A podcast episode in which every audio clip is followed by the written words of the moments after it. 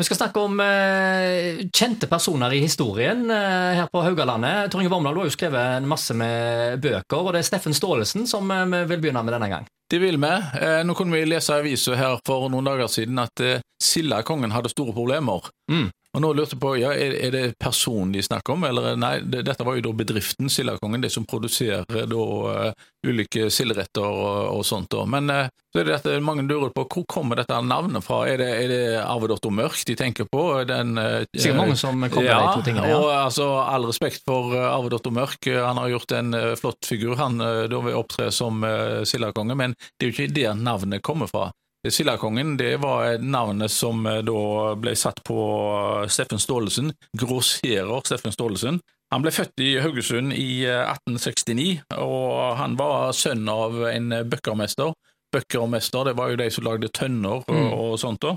Uh, og han ble Steffen Staalesen sjøl utlært som, uh, bøk, som bøkker, eller at han kunne lage tønner. da. Men det er jo da som eksportør av sild og makrell at han da ble eh, både rik og berømt.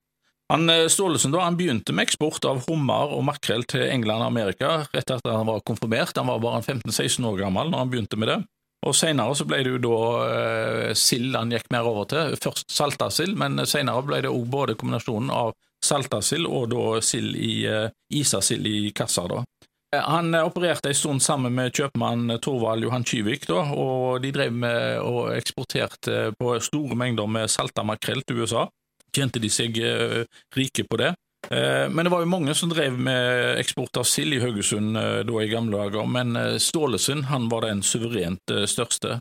Det blir hevda at Stålesund under første verdenskrig han salta like mye sild som alle de andre eksportørene i Norge til sammen. I 1909 eh, så skrev avisa Haugesunderen at Stålesund han hadde 20 brygger og sjøhus bare i Haugesund som han drev og salta sild ifra.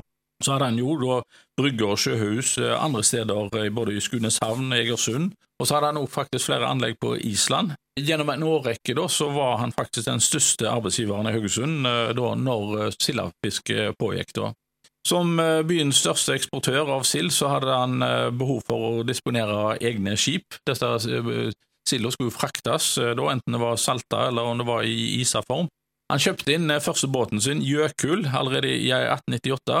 Og Jøkul, Egil, han kjenner du jo, den båten kjenner vi jo igjen gjennom den er blitt berømt pga. på grunn av Han er nevnt i siste verset i Haugesundsangen. Mm, stemmer det. Gamle Harald vakt ved vraket, frem av haugen ser, tror han hører gny fra slaget, Jøkulsvinch der. Og det, det, Jøkulsvinch det var jo da uh, Steffen Staalesen sin uh, båt. Eh, Steffen Staalesen sitt rederi hadde en tonnasje fra 1898 til 1926, og han disponerte i løpet av disse årene til sammen elleve skip, da, så han var en sånn mellomstor reder den gangen. da. Men det er jo som sildeeksportør han ble mest kjent da. Han var en engasjert borger av Haugesund. Han hadde utrolig mange tillitsverv, både innen eh, private næringslivet, men òg innen det offentlige. Han eh, satt faktisk fire perioder eh, i bystyret. I to av periodene så representerte han Venstre, og i to perioder så satt han på ei liste for noe som ble kalt for upolitiske. Upolitisk, ja, faktisk. Det, var, det var, I eh, Haugesund bystyre så hadde du da òg eh, altså, ei liste for upolitiske. De greide ikke helt å bestemme seg om de var høyre eller venstre, eh, da, så dermed så kalte de seg for upolitiske. Han var òg styremedlem i mange av byens rederier, da, og han satt i, som såkalt ordfører i representantskapet i alle disse selskapene til sin venn Botorp Stad-Nilsen. Når, Steffen Staalesen han ble jo en rik mann, men uh, som mange andre formuene i Haugesund, så deltok uh, Staalesen ut store summer til gode formål. Når han da ble 50 år i 1919, så gav han hele 220 000 kroner til ulike gode formål, som for eksempel aldershjem på Hasseløy for slitne arbeidere. Han ga penger til folkerestauranten i Harasvang, og han ga da penger til for eksempel Sjømennenes aldershjem, 220 000 kroner, det tilsvarer nesten 6 millioner kroner i dagens eh, kroneverdi, for å si det sånt.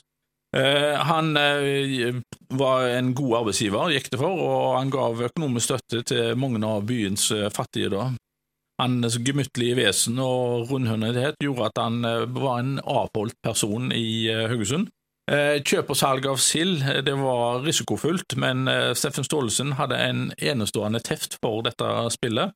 Han tjente store penger og var i flere år en av byens aller rikeste da. Mens mange av byens formuende var litt forsiktige med å vise sin rikdom, da, så gikk Staalesen for å være det vi kaller en levemann.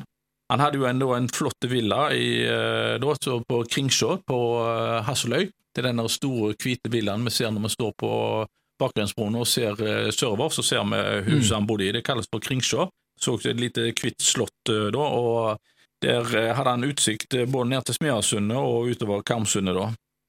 Som en liten kuriositet kan vi nevne at han var den første i byen som hadde da drivhus.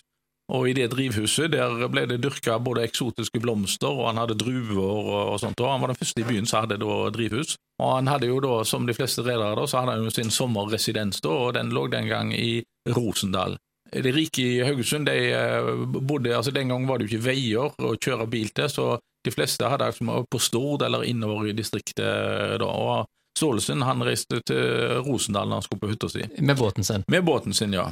Han kjente eh, Staalesen han kjente seg rik under første verdenskrig. altså Sildeprisene de ble jo steg med tigangen. Og en av hans mer dristige, for å si dumdristige, investeringer, at han kjøpte seg et lite slott utenfor Berlin. Oh, ja. Han besøkte det ikke noe særlig da, men han kjøpte seg altså et lite slott da, fordi det, det, var mange av de rike i Haugesund som kjøpte svære eiendommer eh, da. Vrangel, for eksempel, kjøpte seg også svære landeiendommer utenfor byen da. Han var en eh, levemann og lot seg ikke affisere nevneverdig av at det ble innført brennevinsforbud. Oh, nei. Uh, nei da, så I eh, flere avisartikler så ble det fortalt da, hvordan Staalesen smugla brennevin til byen, og han brydde seg ikke nevneverdig om det. Men du hadde en Arbeiderpartiavis som da het Haugesund Folkeblad. Og I 1924 da, så forteller de da, med stor overskrift på første side hvordan Staalesen fikk seg brennevin til byen skal lese her. For en tid siden fikk gamle Steffen Staalesen en ny forsyning med whisky hjem en båt, en av sine egne båter. Da whiskyen ikke kunne bringes i land fra båten og på kaien, og det heller ikke ville være trygt å ha han om bord når det var tollere der, så måtte han se å få det i land på en annen måte. Og da var det ingen annen utvei enn å senke whiskyen til bunns ute i sundet. Stedet hvor eh, da lasta forsvant, ble avmerka på kartet, og så sendte sildakongen en dykker ut i båt for å finne whiskyen eh, da igjen hvoretter han ble ført inn til land. Og så skriver de slik går det for seg når Staalesen skal ta seg en rus. oh, ja. ja, det. det var tider. Det var tider eh, da, og han eh, brydde seg ikke med noe svarinnlegg på det, da, så de fikk tro hva de ville om han eh, da. Det eventyrlige til livet til Staalesen det fikk dessverre en litt sørgelig slutt. Etter første verdenskrig så foretok Staalesen seg, han tok, foretok seg mange dumdristige investeringer som fikk eh, følger for eh, hele hans eh, forretningsvirksomhet. Han kjøpte blant, I 1922, altså for 100 år siden, så kjøper han da den gamle hvalstasjonen på Island, Hekla, og han begynte bygging av en stor sildoljefabrikk på Island. Han da kjøper, Året etter så kjøper han da en, et stort saltsilleri på Island, og han investerer i sånne snurpebåter. Han kjøper òg en tønnefabrikk inne i Hardanger, og Gjennom disse kjøpene så tømmer han da firmaet for eh, likviditet. Og i eh, altså 20-tallet var tunge tider. Mm. Eh, da banker begynner å skjelve, og mange går ende. I september høsten 1924 da, så begynner det å gå rykter i byen om at bankene vil slå Steffen Staalesen konkurs. Rykteflommen den var så sterk at hans eldste sønn, da Jakob, han gikk ut i avisen og dementerte disse konkursryktene. Og eh, kommentaren eh, innrømte han imidlertid at uh, hovedkreditoren Bergen Privatbank de hadde fått kontrollerende tilsyn uh, i uh, Staalesens forretninger. Og På grunn av disse likviditetsvanskene så forlangte Bergen Privatbank at hele forretningsvirksomheten til Staalesen skulle settes under privat administrasjon. Banken de mente at Staalesen var insolvent, og at gamle Sildakongen måtte da på høsten 24 gå med på å bli satt under administrasjon. Han var imidlertid ikke eh, insolvent, han hadde mer verdier enn gjeld, men han hadde altså ikke likviditet til å møte sine løpende forpliktelser. da. Så I tillegg til å investere i tønnefabrikk og sildefabrikker osv., så, videre, så ble økonomien til Staalesen hardt rammet av at han, eh, han, måtte innfri mange kausjonsforpliktelser til folk han kjente. Han hadde forsøkt å hjelpe folk eh, mm. under første verdenskrig og kausjonert for dem. Mm. Og når de ikke kunne gjøre for seg, så kom bankene til å forlangte at Staalesen skulle gjøre opp. da. Et halvt år etter at Steffen, Staalesen ble satt under administrasjon, så døde han. dødsboet det ble gjort opp. Da, det tok faktisk ni år å gjøre opp det dødsboet. Og da viser det seg at når regning, regnskapet var gjort opp, så var det et overskudd i boet på over 300 000 kroner. Vi snakker om ganske mange millioner kroner. Så han var altså ikke konkurs, da, han hadde verdier, men det tok tid å få det realisert. da. Eh, Stølesen han døde da i eh, mars 1925, i en alder av eh, Han ble 55 år bare. Og Dødsårsaken den ble oppgitt å være lungebetennelse. Lungebetennelse det var en sykdom, mm. farlig sykdom den gangen, du hadde ikke penicillin. Så uh, han døde altså i relativt ung alder, uh, og ifølge avisen da, så var deltakelsen rundt begravelsen til Steffen Staalesen det var den største en noen gang hadde sett i uh, Haugesund. Eh, men navnet Steffen Staalesen det, det, det, lever da gjennom altså Sildakongen. Eh, men eh, den virkelige Sildakongen han heter altså Steffen Staalesen.